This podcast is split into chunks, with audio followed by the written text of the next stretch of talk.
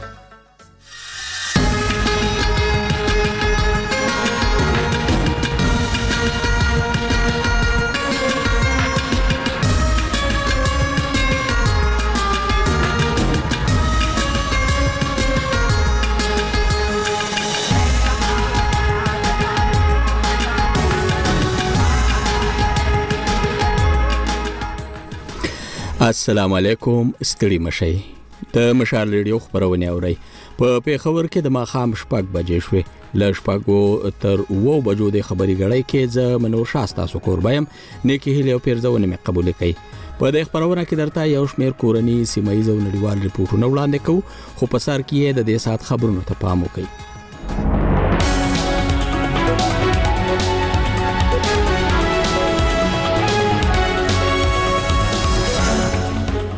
د مهمو خبرونو سرټکی د خیبر په باړه کې د امنیتي ځواکونو لخوا په یو کور د چاپی ضد مظاهره شوه پاکستان پیپلز پارټي او مسلم لیگ نواز ګوند په وفاق کې په اتحادي حکومت جوړولو سلا شوی او پیښور های کورټ لاسو افغان وګړو ته د پاکستانی شهریت ورکولو امر کړی د خبرونو تفصيل نن د خیبر ضلع په باړې بازار کې د احتجاجي مظاهره پر مهال د هغې پیښې د پلټنو غوښتنه شوه چې پکې د دوی په وینا امنیتي ځواکونو په سپاه قوم کې د یوځای تن رحمت الله پکور د چاپې پر مهال هغه لزان سره وړي او د هغه په مور یې تشدد کړی دی په مظاهره کې د سیاسي او مدني فعالانو ترڅنګ عامو خلکو هم ګډون وکړ په دې موقع د باړې سیاسي اتحاد یو عہدیدار زاهد الله افریدي ویل چې د دې سیمې په خلکو په تیر بدامنۍ کې هم ډیر ظلمونه شوي خلکو بم د ماکه هدفي وجنې او هر څه وزغمل خو د خپل خزو بی عزتی په هیڅ حال کې نشي زغملې هلته د خیبر ضلع د پولیسو یو چارواکي د نوم نه خبرولو په شرط مشال ریډیو ته تصدیق وکړ چې د فروری په شلمه شپې مهال په باړه سپاه قوم کې امنیتي ځواکونو د سیف الخان اپریدي په کور چاپه وهلې چې پکې یې د هغه هغه زوی رحمت الله د پلټونو لپاره لزان سره بیولې ده د رحمت الله مور په سوشل میډیا خبرو شو ویډیوګانو کې خلکو ته په خپل مخ باندې د گزارونو زخمونه خودلی او ویلي دي چې زوی یې چنګچی رکشا چلوي او که په کوم جرم کې ککړ وي نو باید عدالت ته وړاندې کړ شي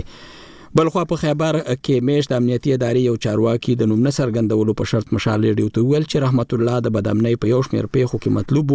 او ناقانونه وسلوالې ډلې تحریک طالبان پاکستان د خیبر اتیرا څنګه سره یې تړاو دی خو د رحمت الله کورنۍ دا تورونه ردوي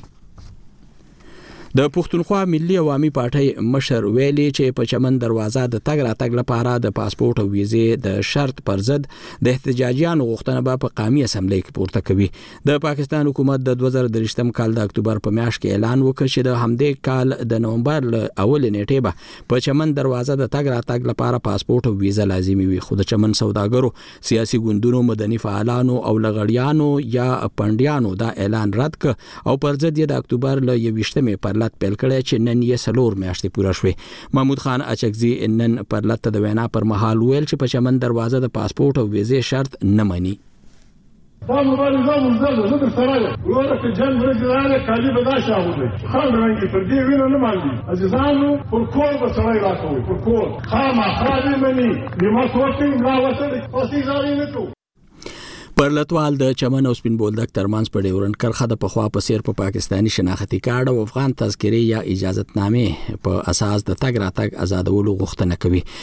په دې لړ کې د پرلتوالو حکومتي چارواکو ترمنځ څو ځلې خبرې شوې خو حکومت وایي چې خپل فیصله نه پښا کیږي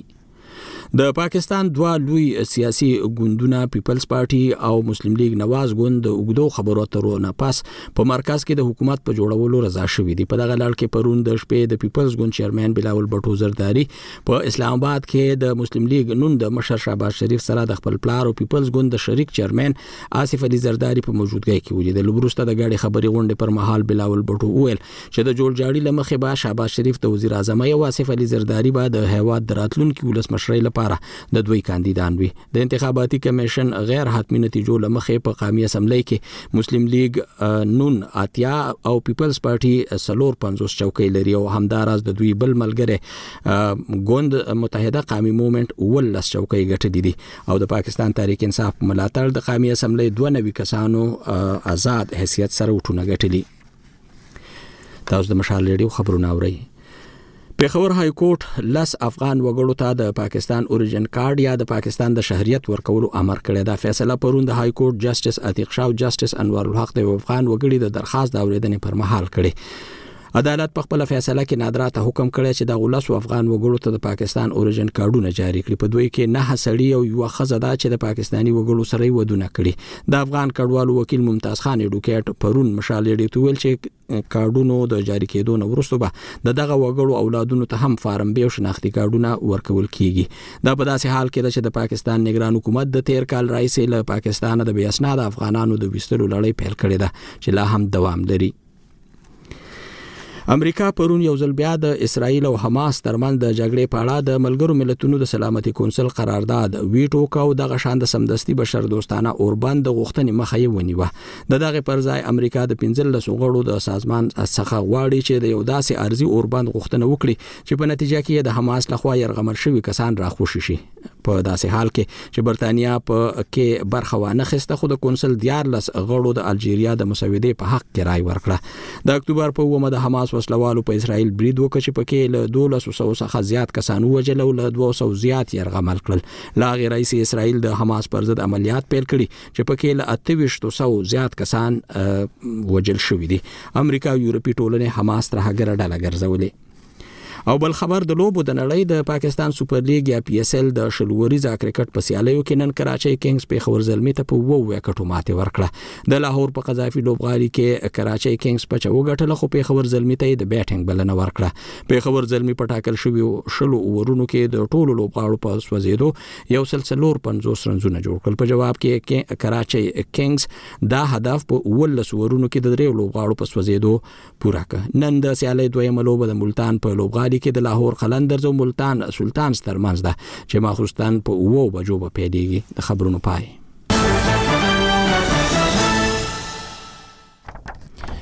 د مشال ریډیو په خبرونو کې مو د دې سات خبرونه واوریدل په روانه غړې کې را سره اوسئ چې دا ریپورتونه واورئ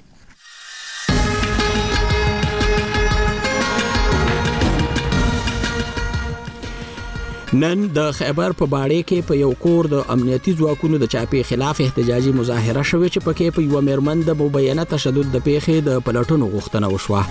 د کورمه مشرانو له حکومت د پیوار سیمې د مبینه محاصره ختمولو غوښتنه کړې ده یو مشروای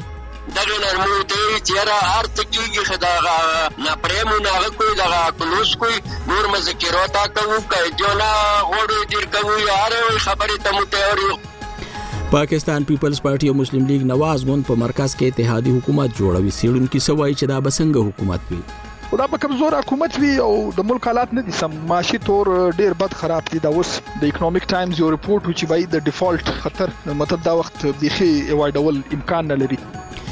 عوامي نېشنل ګوند په ورستیو انتخاباتو کې د مبینه درغلیو ضد احتجاجي کمپاین پیل کړی د دې ګوند خیبر پښتونخوا صدر احمد ولي خان پرون په سوابۍ کې ویجلسې ته وویل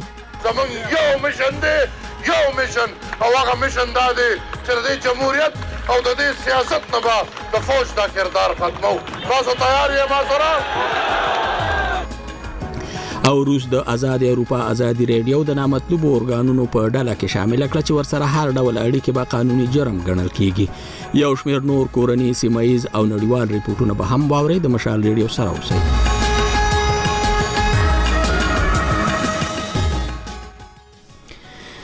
د مشال ریډیو د خبرونو ریپورتونو لړۍ ته ورزو د فروری په 28مه نیټه یعنی نن په باړې بازار کې په یو کور د امنیتي ځواکونو د چاپی خلاف احتجاجي مظاهره شوې په دې مظاهره کې سیاسي او مدني فعالانو ویلي چې د رحمت الله په نوم تن په کور د چاپی پر مهال د د په بډای مور باندې لاس پورته کړل شوی او بیزتی شوی دوی ویلي چې په کار د په لوی کچه دغه پیښه پلټنې وشي د خیبر ضلع پولیسو ویلي دي چې د فروری په شلمه شپې مهال باړې سپاه قوم په امنیتي کې امنیتي ځواکونو د رحمت الله په نوم د یو تن قربان چاپه وهلې هغه د پلټنو لپاره پورته کړی دی امنیتي ځواکونو همدا راستور پورې کړی دی چې رحمت الله په وسلوالو فعالیتونو کې ککړ دی او دوی ته په یو شمېر پیښو کې مطلوب وو خو د رحمت الله کورنۍ دا تورونه ردوي تفصیل د فرهاد شینواری ریپورت کې اورو چې غاګې د احتجاج کوونکو په غږونو پیلېږي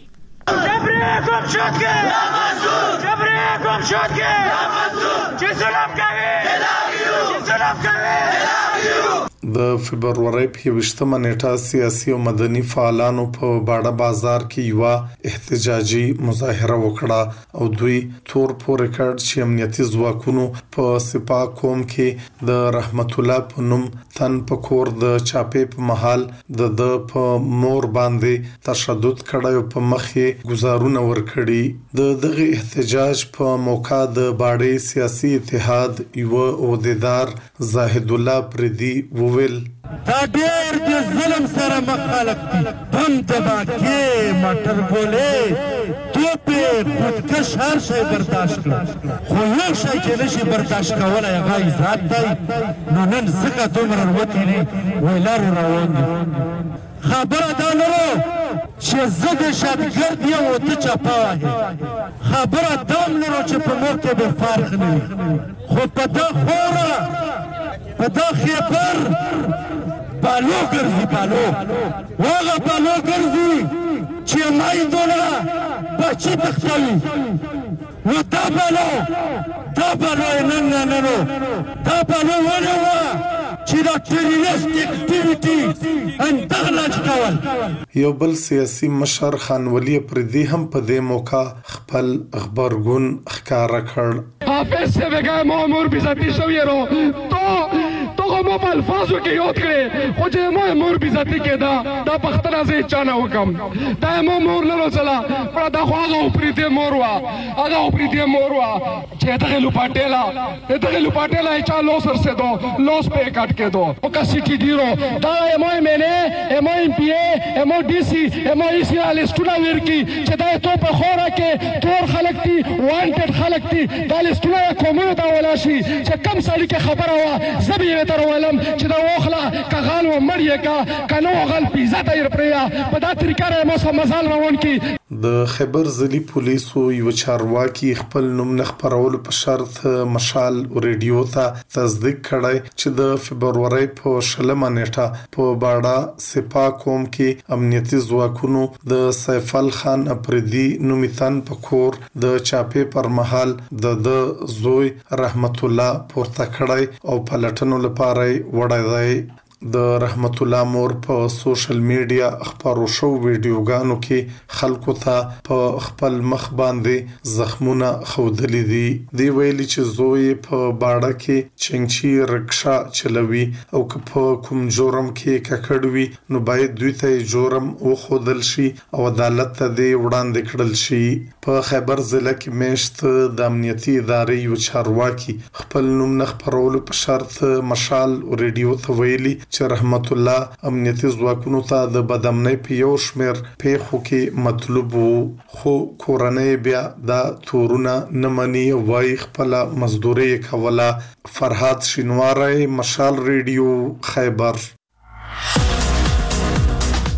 مشال ریډیو تاسو د پښتونخوا سیمي او نړۍ د تازه پیښو او روانو چارو خبري د مشال ریډیو خبرونه دي د کورب مشرانو د حکومت نه غوښتنه کړې چې د پیواړ سیمه مبینه محاصره د ختم کړي د پیواړ اوسیدونکو وایي چې پوز د فروری ل 15 مې راهیسه د هغه پیښې نه پاس د دې سیمې لپاره د تګ راتګ ټول لارې تړلې دي چې په همدغه ورځ په سیمه کې د ځنګل په سر د لانجې د وجې په نخته کې یو سرتیری وجل شوی او دوه ولسی وګړي ژوبل شوی دي د دې پیښې وروسته پوځیان د کورمې په وال سیمه ته داخل شوی دي او د سرتیری په وجنه کې د ککړو شپږو کسانو د نیولو غوښتنه کوي د سیمې مشران وایي چې مطلوبه کسان پوسټ ته په حواله کولو ته تیار دي پوز لا په دې اړه څه نه دی ویلي خو سیاستوال حامد حسین وایي چې په دې موضوع د پوز او د سیمې د مشران ترمنځ جرګه شوې تفصیل د تاریخ اورګزی رپورت کې ورو ځایي مشر او پخوانی صوبیدار نصیر علي مشال رډیو ته د چهارشنبه په شپه ویلي د علاقې موثره مزید سمانه لري چې امنیتي عسكر په وژل کېدلو کې مطلوب تنان ورته په خپله د حواله کېدلو لپاره تیار دي علي زیاتوي کبل څه خبره وي نوره مخې ته یې کړي چې حل یې د خبرو له لارې راوباسي خو پوځ دې له علاقې لرې شي دغه نرمو ته یې چې یاره هر څه کېږي ښه دغه ناپړی مو ناغه کوي دغه کلوس کوي نور مذکرو تا کوو که جو نه غوړو ډېر کوو یا هر یوې خبرې ته مو تیار یو غوا جدا دی چې یاره نو اوس دا کوم خو مو پښتنو کې دا رسم او رواج دی ته یو بل ته نشي ویلې ته ته ته هغه لوړ شه دا کې ته لوړ شه بیا ته ورته ویلوړي بیا به ته یې ته ته د لوس د لوړ کا مر شو کا ګډ شو بیا وی ته نه وړي په کورما کې پر 15 فروری د پیوړ جنو کسانو مبینه پر پوزیانو هغه وخت برید وکړلو چې هغوی لاګیدو په ورقلي ټریکټر تر ډزو پس د علاقې صورتحال او امنیت کابو ساتلو په خاطر سمدستي علاقې ته ورغلل. په هغه پېښه کې يو عسکر مړ او دوه عام وګړي زخميان شوي ول. تر هغې پس پوځ ياد علاقې ته ورغلی او هغلته يې ځينې کلي محاصره کړي. ځايي اوسېدونکی ابرار قاضي مشال رډيو ته وايي، د علاقې خلک پر دغه په تشويش کې دي چې داسې بده پېښه رامنځته نه شي او بله دا چې څوک ازاد تګ راتګ هم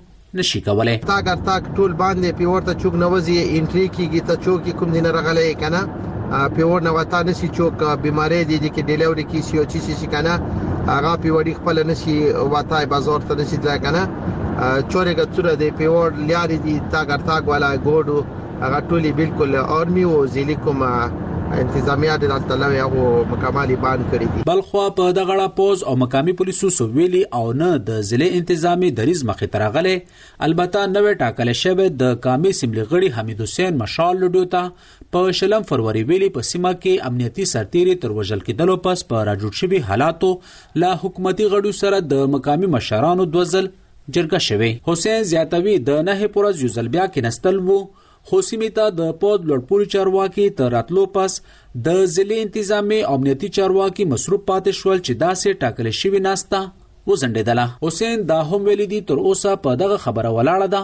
چې مطلوب شپږ کسانو کې یو تن غایب دی او بل دا چې د پوز پر ځای هغه ټول کسان ځايي مشران پولیسو ته حواله کول غواړي. مثلا که پبلک اول خو دا غواړي چې دې ته حواله کوي ارمي ته نه حواله شي پبلک مرضی سره نو خو ټیک دی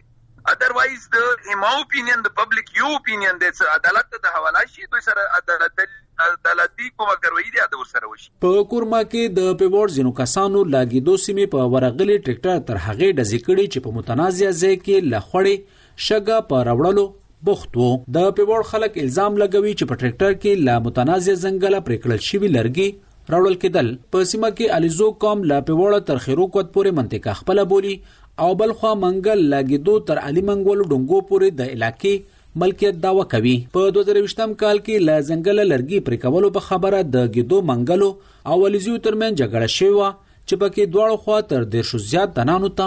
مرګ ژوبله اوښتې وه. په سیمه کې نه یوازې د یاد قومونو ترمنځ د ځمکې په شخړه په عدالت کې کیس روان دی، بلکې تر هغې جګړې پس یوه جرګه هم ورته مقرر شوې وه، خو هغې تر شپېتو زیات نشستونه د کولو باوجود حل یې راونه ویستلو. طارق ورکزی، مشال ریډیو، پېښور. دا مشال راډیو ده. د پښتونخوا ملي عوامي ګوند چیرمن محمود خان اشکزي یو وار بیا ویلي چې د پاکستان او افغانستان ترمنځ د چمن په سرحدي پوله د پاسپورت لارې د تګ راتګ شرط دوی ته د منلو وړ نه دی نو موري دا خبره نن په چمن کې د پاسپورت شرط پر ضد روان پرلت ته وکړه اشکزي ویلي چې د پرلتوالو د غوښتنه په قامي اسمبلی کې راپورته کوي د پاکستان حکومت په ډیورن کرخه د تګ راتګ لپاره د پاسپورت شرط لازمي کړی دی وایي چې دا کار یې د وسلوالو د تګ راتګ د مخنیوي لپاره کړی دی تفصیل له سیمې زموږ خبريال ایوب ترین راکوي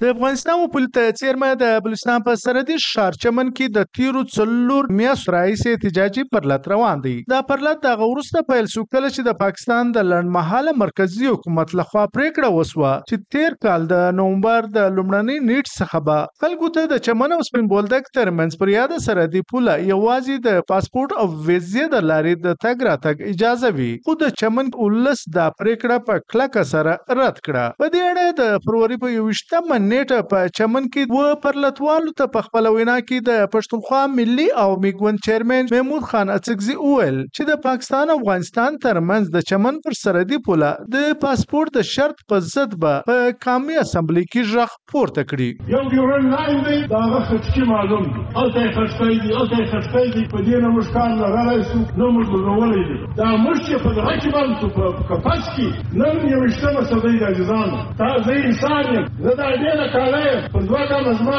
دیره ده ته لا ډېره به په پاسپورټ ځې چې دا وایي د هغه ولکه د سړي زوی دی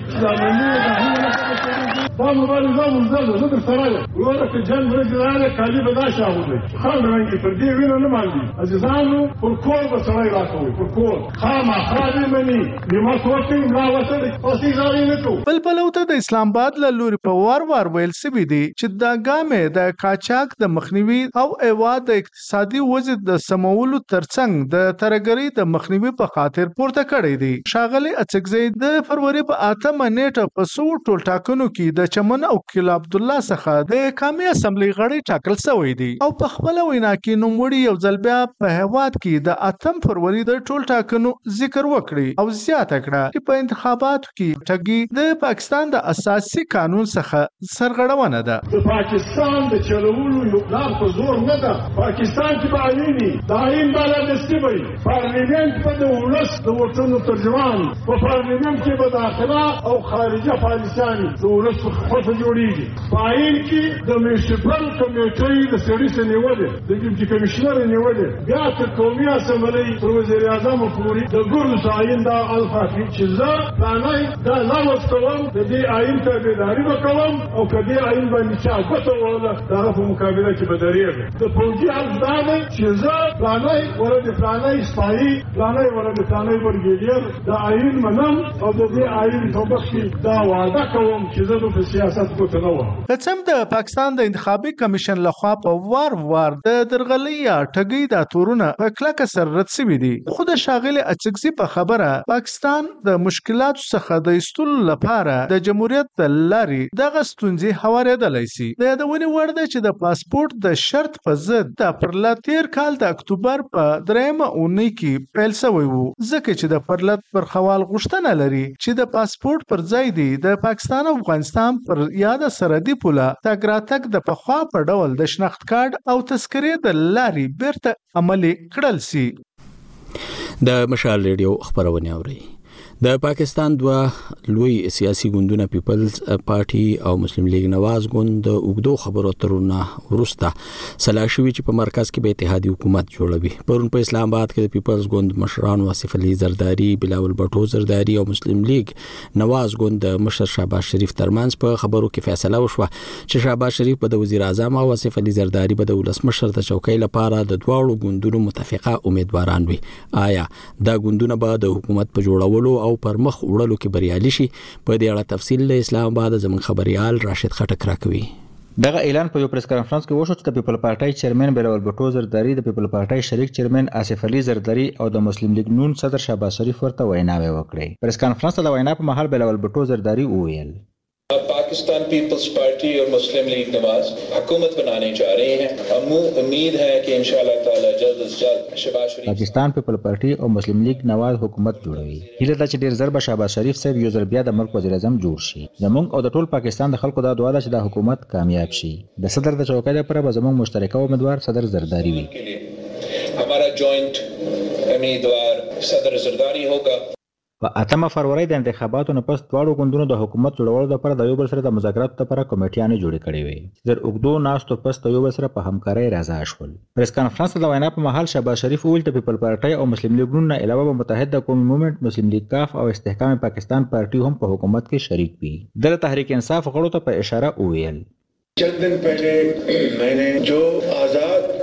ممبرز جو جیت کې آئې هې ان کو یه پیغام دیا کې اګر وه حکومت بنا سکتې هې تو بړې څو ورځې وړاندې ما هغه امیدوارانو ته چې په آزاد حیثیت کې انتخابات ګټلي دي پیغام ورکړو چې که دوی حکومت جوړولی شي نو ډیر په شوق سره دې یې جوړ کړي. مونږ به یې د زړه نه ومنو، مبارکي به ورکړو او په اپوزیشن کې به کینو. خو دوی سره اکثریت نشته. مونږ او پیپل پارټۍ سره په شریکه دومره چوکۍ شته چې نوی حکومت جوړولی شو. که هم نوی حکومت بنانې کی پوزیشن مې هې. پریس کانفرنس ته د وینا په مهال آصف علي زرداري د مسلم لیګ نون نه مننه وکړه او ویې ویل. هماری جستجو جو هی وو صرف آپ که لیه پاکستان که لیه اور آنی. زموږ لټون ستاسو دپاره دی، د پاکستان دپاره دی او د راتلونکو نسلونو دپاره دی. موږ د یو بل سره ملګرتیا هم ځکه وکړه چې د پاکستان ستونزې هوارې کړو او د راتلونکو نسلونو دپاره دا کامیاب کړو. تاسو دعا کوئ. کوم پاکستانیان چې زما غږ اوري، زه له هغه ټولو غوښتنه کوم چې دعا دې وکړي. میندې، خویندې او وروڼه دې دعا وکړي چې موږ کامیاب شو. مایې دعا کرې، میری بیټیه دعای کرې که هم سب کامیاب هو. په اسلام اباد کې د ډان ورځپاڼې بیورو چیف امیر وسیم د مسلم لیګ نون او پیپل پارټۍ د امکاني حکومت د مشکلاتو په اړه مشال رډیو ته وویل. ابھی جو انہوں نے اعلان کیے ہیں اس میں صرف وزیراعظم اور صدر زرداری کا انہوں نے اعلان کیا ہے۔ دوی اوس صرف د وزیراعظم او صدر اعلان کړی دی خو خبرونه دا دي چې پیپل پارټي کیدای شي په کابینه کې شامله نشي د دې مطلب دا دی چې هغوی ذمه داري اخیستل نه غواړي هغوی ته پته ده چې راتلونکی وخت څومره ستونزمن دی. مسلم لیګ نون ته هم د دې اندازه شته، ځکه هغه غواړي چې پیپل پارټي د ځان سره ملګرې کړي. خو یوه ښه خبره دا ده چې د دواړو ګوندونو تر منځ د میثاق جمهوریت نه پس د دوه زره اتم او دوه زره دیارلسم کال قومي اسمبلیانو خپله موده پوره کړې وه. خو اوس به د اپوزیشن رول ته هم کتل پکار وي چې هغوی په پارلیمان کې څنګه چلند کوي. په کوټه کې تجزیهنګار او قانونپوه همایون کسي وویل چې د ډېرو ګوندونو اتحادي حکومتونه چلول ګران وي، ځکه چې هر ګوند جلا جلا غوښتنې لري. ده په دې هکله د مشال لډو پوښتنه داسې ځواب کړه. خو دا به کمزوره حکومت وي او د ملک حالات نه دي سم، معاشي طور ډېر بد خراب دي، دا اوس د اکنومک ټایمز یو رپورټ و چې وایي د ډیفالټ خطر مطلب دا وخت بیخي ایوایډول امکان نه لري چې د پاکستان چې کوم کرایسز دی، د ډیفالت پر خوا روان دوی که حکومت جوړ هم کړي دا به کمزوری اوس څو موده پوره کوي نه پوره کوي دا بیا په اسټبلیشمنټ پورې اړه لري چې اسټبلیشمنټ تر پنځه کاله له مخه څه بدلون راوستل غواړي که یا د الیکشن کمیشن اف پاکستان لخوا د انتخاباتو اعلان کړو نتیجو تر مخه مسلم لیګ نون په قومي اسمبلۍ کې اتیا، پیپل پارټۍ څلور پنځوس او متحده قومي مومنټ اوولس چوکۍ ګټلې دي. د ښځينه او اقليتونو لپاره د ځانګړيو چوکيو په شمول د قومي اسمبلۍ د ټولو غړو شمېر درې سوه شپږ دېرش دی او د وزيراعظم جوړېدو لپاره يو سل نهه شپېته رايې اخيستل ضروري دي. راشد خټک، مشال راډيو، اسلام اباد.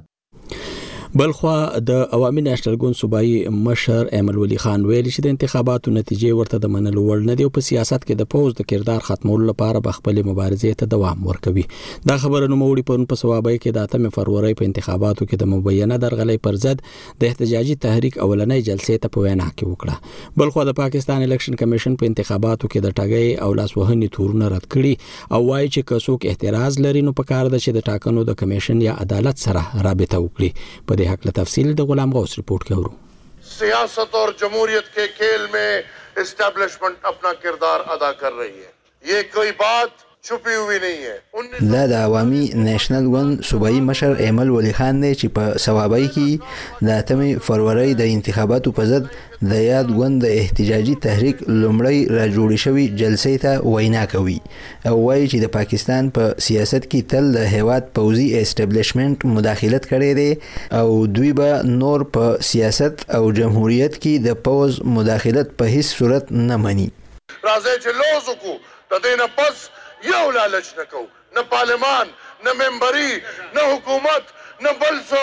زموږ یو مشن دی، یو مشن او هغه مشن دا دی چې د دې جمهوریت او د دې سیاست نه به د فوج دا کردار ختموو، تاسو تیار یئ ما سره؟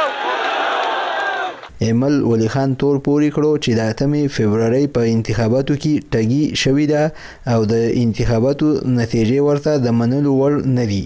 همدغې جلسې ته په وینا کې د عوامي نیشنل ون مخکښ او د خېبر پښتونخوا پخواني وزیراعلی امیر حیدرخان هوتي وویل چې ټولې انتخابي حلقې دې بیا پرانیستل شي او چې تر څو د یو یو ووټ بایومټریک تصدیق نه وي شوی نو د انتخاباتو نتیجې ورته د منلو وړ نه دي. ایک ایک ووټ کی تصدیق همې چاهیې. امیر حیدرخان هوتي د پاکستان تحریک انصاف ازادو ګټونکو امیدوارانو ته په اشاره وویل چې که چارواکي وايي چې انتخاباتو کې ټګي او لاسوهنه نه ده شوې نو بیا دې په مرکز کې هم دغه ازادو امیدوارانو ته د حکومت جوړولو موقع ورکړې شي. چی دی الیکشن ته تاسو الیکشن وایه او تاسو وایه چی دا الیکشن ټیک شوی دی نو بیا ایمان تیر که او چی دی ټیک الیکشن په نتیجه کی چاته اکثریت ملاو شوی دی بیا هغی ته حکومت ورکه ورکه بیا چی پته ولګی. شینونکي بیا په دې نظر دي چې د دوه زره څلېرویشتم د عامو انتخاباتو وروسته د زیاتو سیاسي ګوندونو احتجاجونه ښايي چې که په مرکز او صوبو کې حکومتونه هم جوړ شي نو د هغې وروسته به هم دا ډول احتجاجونه دوام لري په پېښور کې خبریال او شینونکی لیاز علي په دغه اړه د پوښتنې په ځواب کې وايي. ګټونکی وایي چې زما ګټې برخه ډېره زیاته وه هغه یې ماله پوره نه ده راکړې او چا چې بایللې ده هغوی چې زما نه ګټه اخیستې شوې ده په دې انتخابات کې ګټونکی او بایلونکی دواړه فریقین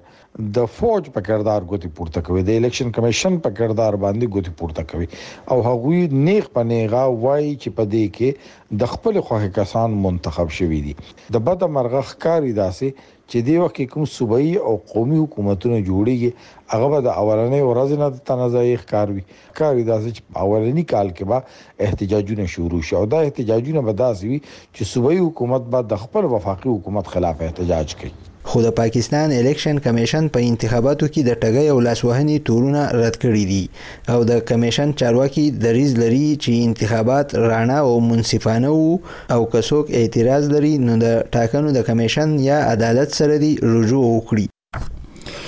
د دې رپورټ سره د روانې ګړۍ نیمای ته ورسېدلو په پیښور کې د ماخام شپږ نیمې بجې دي د دې سات د خبرونو لنډیز ته پام وکړئ.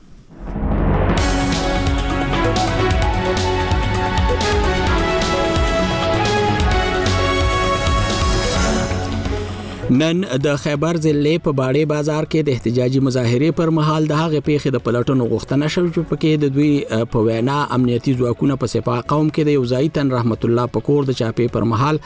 هغه له ځان سره وړی او د هغه په مور یې تشدد کړی بل خو په خیبر کې میش د امنیتي ادارې یو چارواکي د خپل نوم نه سرګندولو په شرط ویلي چې رحمت الله د بدامنۍ په یو شمېر پیښو کې مطلوب وو او ناقانونه وسلواله ډلې تحریک طالبان پاکستان د خیبر تیرا څنګه سره یې تړاو درلود خو د رحمت الله کورنۍ دا تورونه رد کړي د پښتونخوا ملي عوامي پارټۍ مشر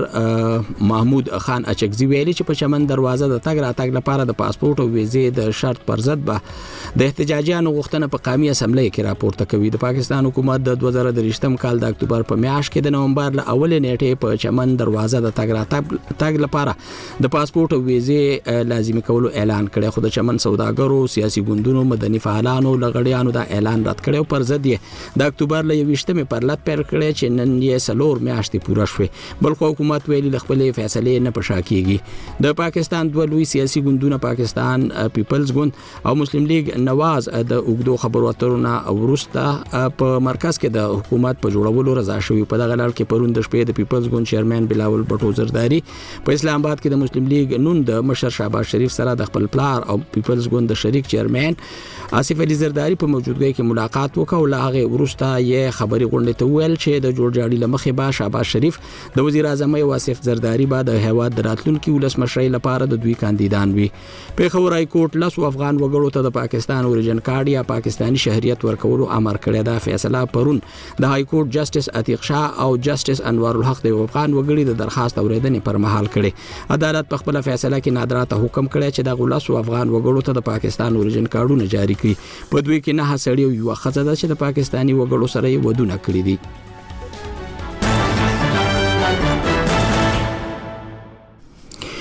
د مشال ریډیو د دې سات د خبرونو لنډیز مو واورید اوس ورزو ځنې نړیوالو رپورټونو ته روس د آزاد اروپا آزادي ریډیو د نامطلوبو اورګانونو په ډله کې شامل کړه د روس د عدلیه وزارت دغه حکم لمخې هر هغه کس چې له آزادي ریډیو سره کار کوي دغه ریډیو سره مالی مرسته کوي او یا ورسره مرکه کوي له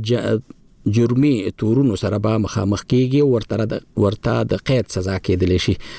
ازادي رادیو یو سل او دوا سلوختمه اداره ده چې د روس لخوا دغه فهرست کې شامل شوې ده تفصیل په دې رپورت کې روسیې له 2021م کال راهیسې د آزاد اروپا ازادي رادیو د بهرني اجنټ په لیست کې شامل کړې و خو اوس دغه محدودیت لا جدي کړ او دغه رادیو یې نامطلوب ارګان بللی دی د روسیې د عدلیې وزارت د نوملړ له مخې د ازادې اروپا ازادي راډیو یو سلو دوه څلوېښتم بنسټ دی چې د روسیې له خوا په دغه لیست کې شامله شوې. د عدلیې وزارت له دې کار سره هر هغه کس له جنایي تورونو سره مخامخېدای شي چې له ازادي راډیو سره کار کوي، دغه راډیو تمویلوي او یا هم راډیو سره مرکه کوي. د ازادې اروپا ازادي راډیو مشر سټیفن کپوس ویلي، د روسیې دا ګام د دې ښکارندويي کوي چې هغوی رښتیني راپور ورکول د خپل ځان په وړاندې یو واقعي ګواښ بولي. ښاغلي کپوس په یوه خبرپاڼه کې ویلي، له لسیزو راهیسې میلیونونه روسان پر ازادۍ راډیو متکي دي او د ده په وینا، د ریکارډ د کچې روسانو په دې وروستیو ورځو کې د کرملن د منتقد الکسي ناوالني د مړینې خبرونه او راپورونه له راډیو کتلي او اورېدلي دي. نوموړي زیاته کړې، د روسیې دا ګام به ازادي راډیو ته دا چاره سخته کړي چې د روسیې خلکو ته ازاده او خپلواکه خبر رسونه وکړي. د امریکا د بهرنیو چارو وزارت ویاند متیو میلر ویلي، د روسیې مشران په دې کار سره غواړي چې خپل خلک له معلوماتو محروم او له دې بې خبره پرېږدي چې د روسیې حکومت په کور دننه او بهر خپلو خلکو ته څه کوي. د نامطلوب ارګان قانون چې د کرملین له ملاتړه برخمن دی، په دوه زره او پنځلسم کال کې د هغو موسسو په اړه تصویب شوی چې له بهرنیو سرچینو تمویلېږي. د ژورنالیستانو د خوندیتوب کمېټې ویلي، روسي چارواکو د دغه قانون له مخې په تېرو څو کلونو کې لسګونه رسنیز بنسټونه د غیر مطلوبو ارګانونو په ډله کې شامل کړي. د ازادې اروپا ازادي راډیو په پراګ کې یو خپلواک امریکايي رسنیز بنسټ دی چې د امریکا کانګرس یې د نړیوالو رسنیو لپاره د امریکا د ادارې یا یو ایس ای جي ایم له لارې تمویلوي. دغه راډیو دا مهال په درویشتو هېوادونو کې په اووه ویشت ژبو خپرونې لري او د پوښښ ساحې یې هغه سیمې دي چې خلک یې تر ډېره نورو خپلواکو رسنیو ته لاسرسی نه لري.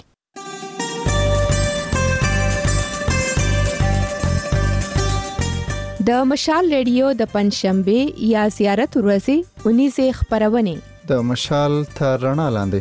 په لس نیمو بجو. پښتونخوا کلي په کلي. په یوه بجه. پام کوه. په دوه نیمو بجو. د ځوانانو غږ. په دریو بجو. سروې. په څلور نیمو بجو. هارون باچا هنري ګړی. په پنځو بجو.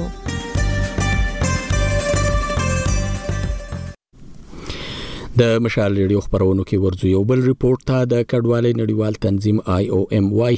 افغانستان له یو بیساری بشري ناورین سره مخ دی دغه سازمان تازه په خپل ویب پاڼه په یو راپور کې لیکلي چې له پاکستانه د افغان کډوالو د ایستلو د زیاتوالي لوجې په پولو فشارونه زیات شوې دي د آی او ایم د شمیرو لمخې په 13 سلورو میاشتو کې له پاکستانه خواوشه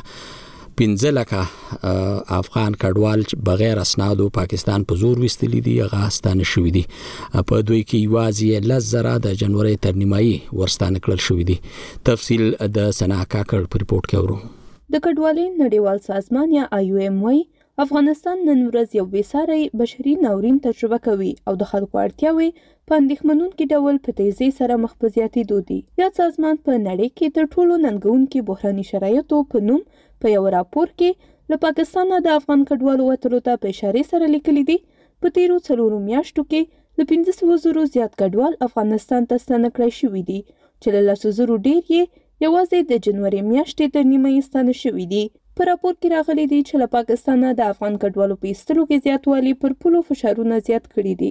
د کډوالۍ نړیوال سازمان یا آی او ایم ټینګار کوي چې د افغانستان خلک د بشري ناورین د کمولو لپاره د هغه اړتیا وړ پرمختیایي مرستو په ګډون چې نړیوال بسپنه ورکوونکي یې دا مهال نه تمویلوي اوږدمهاله پایښت لرونکي د حل لارو ته اړتیا لري. یاد سازمان په داسې حال کې له پاکستانه د راستانه شویو کډوالو پر وضعیت اندېښنه څرګندوي چې افغانستان ته یو شمېر ستانه شویو کډوالو له ازادي راډیو سره په خبرو کې وویل چې له سختو ستونزو سره مخ دي او بیړنیو مرستو ته اړتیا لري. له دوی څخه یو عبدالقادر چې تازه له پاکستانه راستون شوی دی او دا مهال په لغمان ولایت کې اوسېږي وایي، وه ماشومان لري خو یوه مړۍ ډوډۍ ورته نشي پیدا کولی. بارانونه هم دي او زم هم ده او جای هم نشته ده او بیخي دې مریضتیا سره داسې یو په تنګ راغلي یو څه شی نه لرو نه دې جای لرو نه درمل د دوا دپاره مونږ هغه نه لرو چې مونږ ماشوم ته هم کوم دوا واخلو کاروبار نشته ده. له پاکستان راستون شوی یو بل افغان کډوال چې نه غواړي نوم یې په راپور کې واخیستل شي په سوړ ژمي کې د خپل ژوند د کړاوونو په اړه داسې وایي. تا فعلا نه کدام کمک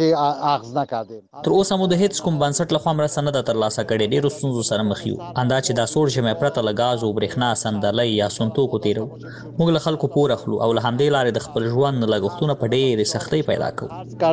خرچ مخارج خود پوره میکنیم. دوی د طالبانو له حکومت او له نړیوالې ټولنې غواړي چې د دوی وضعیت ته پاملرنه وکړي او له دوی سره مرسته وکړي. پاکستان له دې هېواده د بې اسناده افغان کډوالو د ویستلو لړۍ پیل کړې چې لا هم روانه ده. که څه هم بېلابېلو نړیوالو بنسټونو د پاکستان دا پرېکړه غندلې، خو دې هېواد ویلي چې د خپلو خلکو امنیت ورته تر هر څه مهم دی او د افغانستان په ګډون د ټولو هېوادونو بې اسناده اتباع له خپل هېواده وباسي. دا په داسې حال کې ده چې د کډوالۍ نړیوال سازمان یا IOM په خپل راپور کې ویلي چې د دوه زره او یوویشتم کال په اګست میاشت کې سیاسي بدلونونو افغانستان له کړکېچ سره مخ کړی دی او په دې هېواد کې د نفوس دوه پر درېیمه برخه بشري مرستو ته اړتیا لري. تر دې مخکې هم د ملګرو ملتونو د بشري چارو د همغږۍ دفتر یو چا ویلي و، په روان زېږدیز کال کې نږدې اته ویشت اعشاریه دوه میلیونه افغانان بېړنیو بشري مرستو ته اړتیا لري. د مشال رادیو په خبري غړې کې ل روانو چارو څخه د خبرېدو ترڅنګ شننې او تبصرې هم اوریدای شئ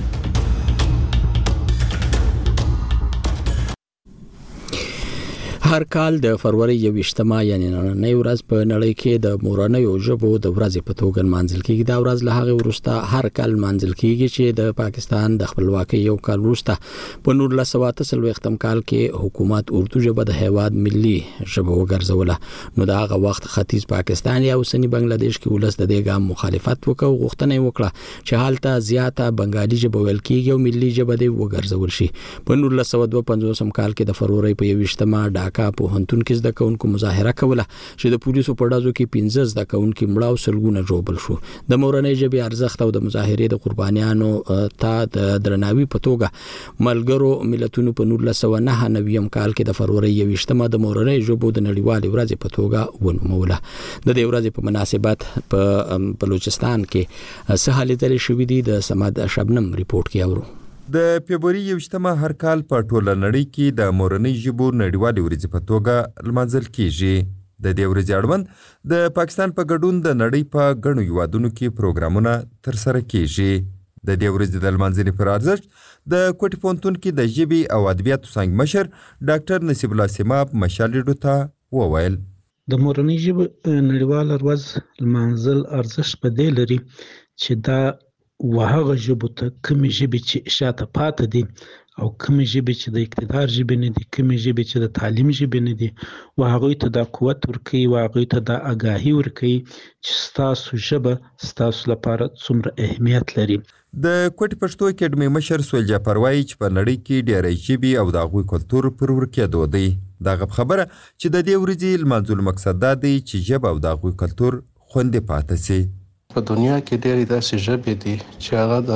ختمېدو خواته روانې دي نو دغه رنګه مسئلې په پاکستان کې هم دي چې ډېرې ژبې چې دي هغه د ختمېدو خوا ته روانې دي، نو د دغه ورځې د لمانځلو مقصد دا دی چې د دغه ژبو د ترقي لپاره او د برقرار ساتلو لپاره کار وشي.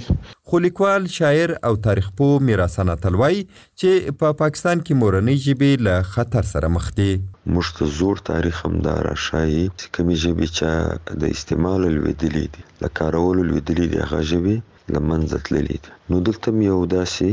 پرته له سندي ځخه د نورو ژبو دې صورتحال ته مخامخ دي چې په هغه کې زموږ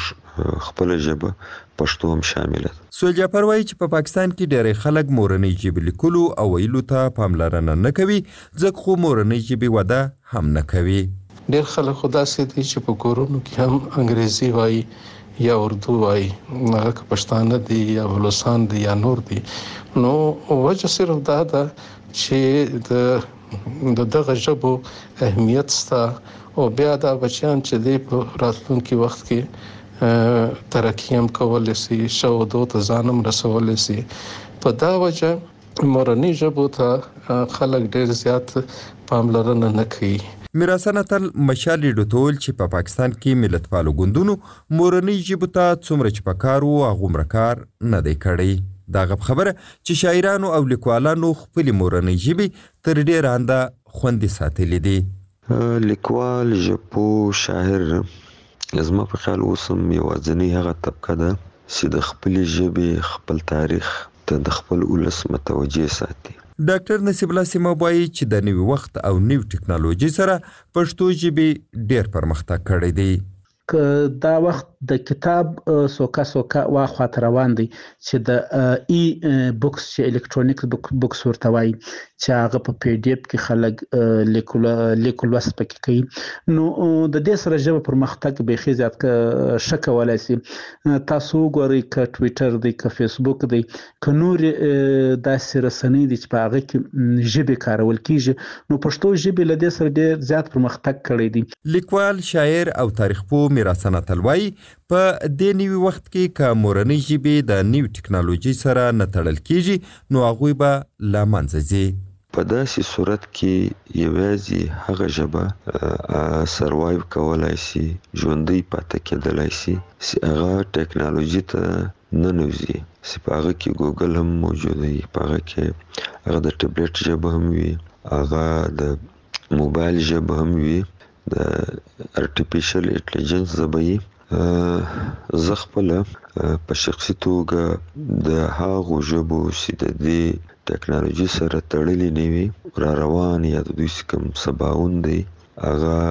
تور وینم تاریک یې وینم. دا چې په پاکستان کې پښتو ژبه په تېرو وختونو کې په تعلیمي نصاب کې ګډه کړل شوې وه، خو بیا کار نیمګړی پاتې شوی. ډاکټر نصیب الله سیماب مشال ریډیو ته وویل چې ژبه هغه وخت پرمختګ کولی شي چې هغه په تعلیمي نصاب کې شامله وي او د ولس د روزګار ژبه وي. چې تر څو پورې ژبه په تعلیم کې نه وي راغلې، په لیک لوست کې نه وي راغلې، ژبه پرمختګ نه شي کولای. میرحسن اتل مشال ریډیو ته وویل چې په تېرو وختونو کې په بلوچستان او خیبر پښتونخوا کې د پښتو ژبې تر څنګ نورې ژبې د تعلیمي نصاب برخه وګرځول شوې، خو د هغوی لپاره چې حکومت ته څومره کار کول پکار وو، هغومره ونه کړل شو. صمد شبنم مشال ریډیو کوټه. د مشال ریډیو واتس اپ چینل دلته تازه خبرونه، راپورونه، ویډیوګانې، تصویرونه او غږیزې خبرونه ترلاسه کولای شئ. زموږ له واتس اپ چینل سره ملګري شئ او له دوستانو سره شریک کړئ. د مشال ریډیو خبرونه اوري د مورنۍ جبو په حواله چې هر کال د فروری په 20 مه منځل کیږي په خیبر میډیکل کالج کې هم یو دستور شوې ده چې پکې د کتابونو سټالونه هم لګیدلی وو او د دې ورځې په مناسبت باندې پکې بیلابېلې هلې ځلې شوې دي د وسیم سجاد ریپورت کې تفصیل اورو زه دا وخت په خیبر میډیکل کالج کې ولاړ یم دلته د کتب میلې تابیا کړل شوې ده یو شمیر هلکان او جنکۍ زده کوونکي راغلي دي او د خپل خوخي کتابونه چوتوي دا میله چا را جوړه کړې ده او ولې را جوړه کړې ده د انتظامیې د خلکو سره او دلته د راغلو زده کوونکو سره خبرې اترې کوو زما نوم زیشان دی زه اوس د فاینل ایئر سټوډنټ یم په کیم سی کې دا اوس چې کوم دی مو سره پکې تقریبا واته سټالونه لګیدلې دي هغه کې چې کوم دی مطلب یو چې کوم دی د بوکس والا دی چې کوم د زمنګ کریکولم بوکس دی کنه هغه والا دی یو پکې فری بوکس ملاویږي هغه سټایل دی سیف والا بل چې کوم دی موږ سره پکې دا ناولز و غیره او چې کوم دا فکشنز کتابونه دي دغه پکې ملاویږي اسلامي کتابونه پکې هم ملاویږي دا به چې کوم دی زمونږ درې ورځې دا بوک فیری نن چې کوم دی پهلنۍ ورځ و او دوه ورځې پکې نور هم دی کې چې کوم دی موږ سره ډیفرنٹ کمپټیشنز نورم وو چې هغه کې ما سره نن چې کوم دی کویز کمپټیشن واغه پکې وشو بل پکې چې کوم دی نو سبا پکې دغه دی سبا پکې مشاعره ده پکې دغه سب کې نور منګه ایونټ سه خدي منګه پکې خپل چې کوم یو احباب کنونشن دی ډینر به پکې په لاس دی باندې میرا نام کشف حمید خټک ہے زما نام کشف حمید خټک دی زه د ایچ ایم سی زده کوونکی یم زما په خیال څوک چې د کتابونو ویلي لیوال وي داسې پروګرامونه ورته ډیر ګټور کوي. دلته خلکو ته په لږ نرخ کتابونه میلاویږي او دویمه دا چې د ځای پر ځای ګرځیدلو ورته په یو حال کې زیات تر کتابونه میلاو شي. ما دلته یو شمېر کتابونه ځان ته واخیستل او هیله منده یم چې ډېر کتابونه ولولم او د موبایل کارول کم کړم. فون وغیره کا یوز تھوڑا کم هو سکتا هې. جی زما نوم شاب اقبال دی او د فاینل ییر ایم بی بی ایس خیبر میډیکل کالج سټوډنټ یم د نن زمانې نوجوان او چې کوم زنانه ده هغه د. کتاب نه لري شوی دا او په سوشل میډیا او په سکرین باندې دا غا موجوده ده نو که لټریچر ده که اسلامي هیستوري ده که نور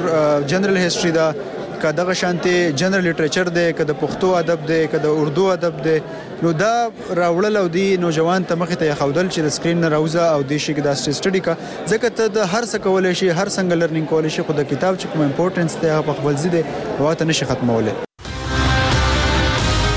دا مشال رادیو ده د مشال ریډیو خبرونو کې ورځو یو ریپورت ته جنسي تیری کې ککړ کسانو ته د خلکو په وړاندې پانسي ورکولو په اړه قانون کې ترمیم د پاکستان سېنات په غاڼه سره رد کړی دی د فروری په شلمه د جماعت اسلامي سېناتر مشتاق احمد د سېنات غونډه ته د تحریک وړاندې کړی وو چې په قانون کې د بدلون راشي سو چې څوک په زور جنسي زیاتی کې ککړوي هغه ته د خلکو په وړاندې پانسي ورکړل شي خو د پاکستان پیپلز پارټي ګوند سېنیټر شیر رحمان په ګډون د پاکستان تحریک انصاف او پاکستان مسلم لیگ نون زنو غړو هم په دې تجویز باندې نیوکه وکړه په دې حق لا تفصیل له اسلام آباد زموږ خبريال ګوهر مسید راکوي د جماعت اسلامي ګوند سنیټر مشتاق احمد خان د فرورۍ په شلمه د سنیټ په غونډه کې یو قانوني تحریک وړاندې کړو چې په کې لیکلي یې وو چې کوم کس په زوره جنسي تېرې کې ککړ وي هغه ته د د اولس په مخ کې پانسي سزا ورکړېدل شي سنیټر مشتاق زیاته کړه په معاشره کې دا ځناور توب په غټه کچه موجود دی تر څو پورې چې دسې کسان د خلکو مخکې پانسي نه شي د جنسي زبردستۍ مسله به حل نه شي چې پنځو کسانو ته سزا ورشي شپږم ته به حاجت نه کېږي. خو سمدستي د پيپلز ګوند سنيټرې شيري رحمان په جواب کې وويل چې د ياد جرم ډېر بد جرم دی خو دسې سزاګانې د مسلې حل نه دی دې زياته کړه، پاکستان پیپلز پارټی نې همیشه ډیتھ پینلټی کې لیې مخالفت کیې پاکستان پیپلز ګوند هر وخت کې د دسې سزاګانو لارې نیولې دي ځکه چې پاکستان کې د ګواهانو پولیسو عمل او قانونی لارې مشکلې شي او د هغې بیا غلط استعمال کیږي ګنې د یاد جرم ډیر غټ جرم دی. اوس حوالې سې تو وو پھر وو بهت هی لائټ سنټنس دې دېتې هې. د پیپلز ګوند نه علاوه پاکستان تحریک انصاف او نون لیګ هم د جماعت اسلامي تجویز رد کړو. د پاکستان تحریک انصاف ګوند سنیټر بریسټر علي ظفر وویل چې په چوکونو او په سړکونو خلکو ته سزاګانې ورکول د مسلو حل نه دی. ده زیاته کړه. کیس آتا هې ریپ د جنسي تېري په کېسونو کې په کار ده چې په عدالتونو کې موجود نظام نور هم کلک او مضبوط شي او داسې نه چې موږ په سړکونو باندې کسانو ته سزاګانې ورکوو. د بحث نه وروسته د سېنېټ چېرمن صادق سنجراني یاد قانون په اړه په سېنېټ غونډه کې ووټونه وکړل چې ایا د سېنېټر مشتاق تجویز ته د قانون شکل ورکړېدل شي او که نه.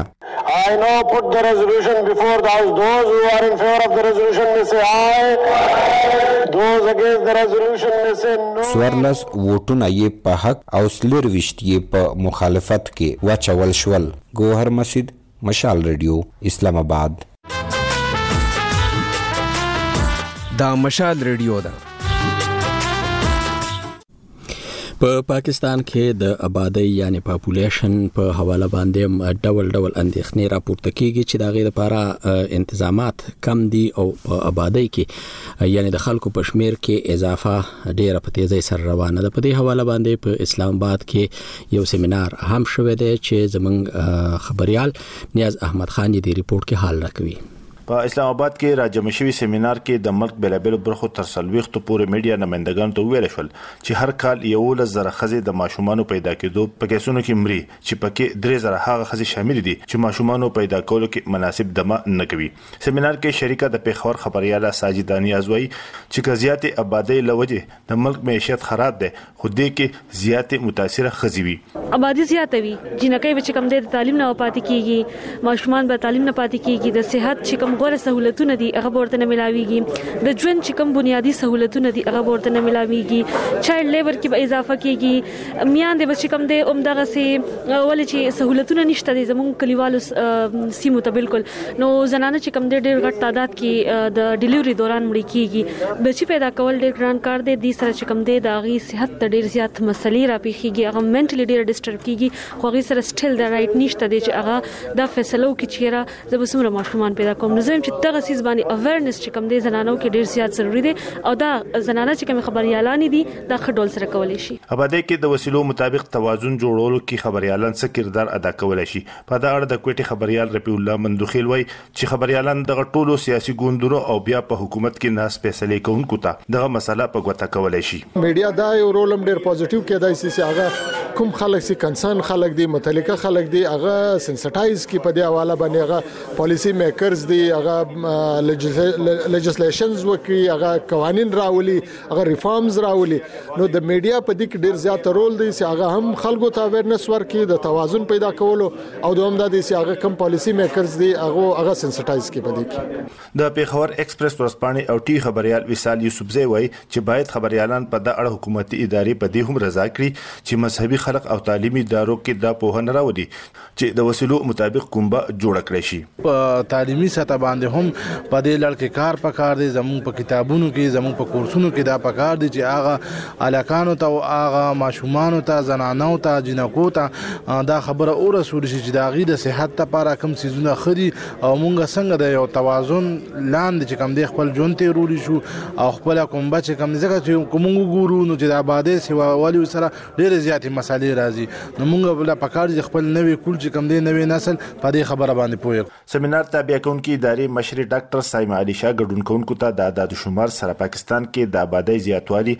او وسیلو کمښت په اړه معلومات ورکړل دا وایي چې پاکستان کې د زیاتې آبادۍ لوجې د خوراک پاکو اوبو د صحت سهولیات تعلیم او د اوسیدو معیار په ښکته روان دی او دغه لپاره ضروري ده چې کوم سیاسي ګوندونو په خپل منشور کې په آبادۍ کنټرول او ښه ژوند ولس ته ورکول لوظونه کړي هغه دې پوره کړي. آګه جا کې جب یې پارټیز حکومتې بناینګي. وړاندې چې دا ګوندونه حکومتونه جوړ کړي دوی کړي لوظونو باندې پابند کول په دې میډیا مهم کردار ادا کولای شي مقصد هم دا و چې موږ ته معلومه وي میډیا ته هم معلومه وي چې کوم لوزونه شوي دي او چې وړاندې دغه لوزونه نه پوره کیږي یا کوم حد پورې پوره کیږي چې په هغه موږ حکومتونه ذمہوار کړو یا کس حد تک ہو رہے ہیں اس پہ ہم حکومت کو بار بار کرا سکیں سیمینار کې ویل شو چې پاکستان په نړۍ کې د زیاتې آبادی په لحاظ سره پنځم نمبر دی او د منطقه کې د ټول نه زیات په تیزی سره آبادی زیاتیدونکو هیواد دی د زیاتې آبادی سره د ترقۍ رفتار هر کال کمیږي نیاز احمد خان مشال ریډیو سوات مشال رادیو لتا سو سره ده په هر غړی هر لحظه او هر شیبه کې او اوس هم د دې غړې اخیری ریپورت ته ورزو په ننګرهار کې د سوداګر او صنعت خونی مسولین شکایت کوي چې د ترانسپورت له لوري د جوړ شوی کمیشن لامل هر ورځ په لسګونه زر افغانۍ زیان مومي د دغه کمیشن له لوري کارخانه مالکان باندې فرض ده چې هغه خپل پیداوار یا تولیدات نور ولایتونو ته د هغو بار وړونکو موټرو په ذریعہ ویسي چې ترانسپورتي کمیشن ورته جوازونه ورکړي دي بلخو په ننګرهار کې طالبان د حکومت د ترانسپورت ریاست چارواکي د صنعتکار استون زمانی خو زیاتوي چې یاد کمیشن د دوی د مشرتابه لوري جوړ شوی دی تفصيل په دې رپورت کې له څه مودې راهیسې په افغانستان کې د طالبانو د حکومت د ترانسپورټ وزارت له لوري د باروړونکو موټرو د انسجام لپاره یو کمېسیون جوړ شوی چې له امله یې صنعتکار مکلف دي چې خپل تولیدات په هغو باروړونکو موټرو کې انتقال کړي چې کمېسیون ورته جوازونه ورکړي دي خو په ننګرهار کې سوداګر او صنعتکار وايي چې د دې کمېسیون له وجې هره ورځ په لسګونو زره افغانۍ زیان مومي دوی له طالب چارواکو غواړي چې کمېسیون لغوه او دوی ته دې اجازه ورکړل شي چې په خپله خوښه خپل تولیدات نورو ولایتونو ته انتقال کړي. د ننګرهار د سوداګرۍ خونې مرستیال او صنعتکار اجي ګل مراد وايي، د کمېسیون له جوړېدو سره نورو ولایتونو ته د خپلو تولیداتو د انتقال په برخه کې د پخوا په نسبت یو پر دوه کرایه پرې کوي. دی له طالب چارواکو غواړي چې کمېسیون لغوه کړي. دغه کمېسیون چې جوړ شوی ده، موږ ته د پلمبر باندې موټر راکوي. زموږ فابریکې چې په شیخ مستر کې دي، یوازې زما نه تخمیناً یو سل شل فابریکې هلته فعالې دي. موږ د نورو ولایتونو فابریکهدارانو سره رقابت نه شو کولی، ځکه نه شو کولی چې یو ټن شمال ولایتونو پورې په څلېرویشت سوه روپۍ وړي، پخوا په دوولس سوه روپۍ و. موږ هغوی سره راخبر نه شو که زموږ فابریکې ولاړې دي، موږ د دې کمېسیون لغوه غواړو. د ننګرهار د سوداګرۍ خونې یو تن استازی ډاکتر مخلص وايي، د ترانسپورت وزارت سوداګرو ته د اسانتیاوو پر ځای ستونزې جوړوي. هغه اساسي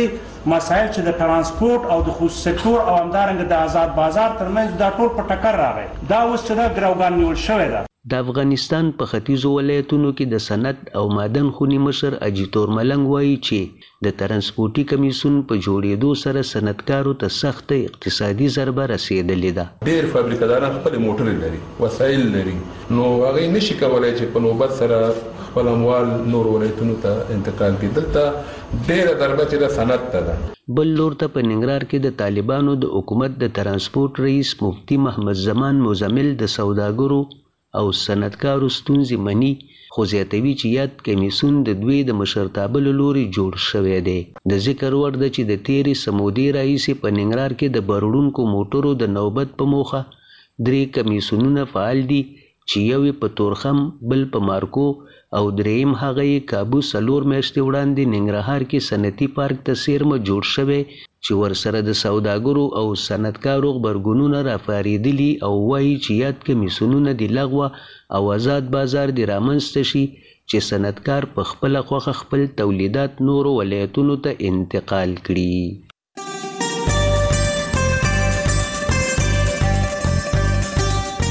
د مشال ریډیو د پنځشنبه یا زیارت ورځې اونیزه خبرونه د مشال تر رڼا لاندې پلسنی مو بجو پښتونخوا کلی په کلی په یو بجا پام کوا په دونی مو بجو د ځوانانو غږ په دریو بجو سروي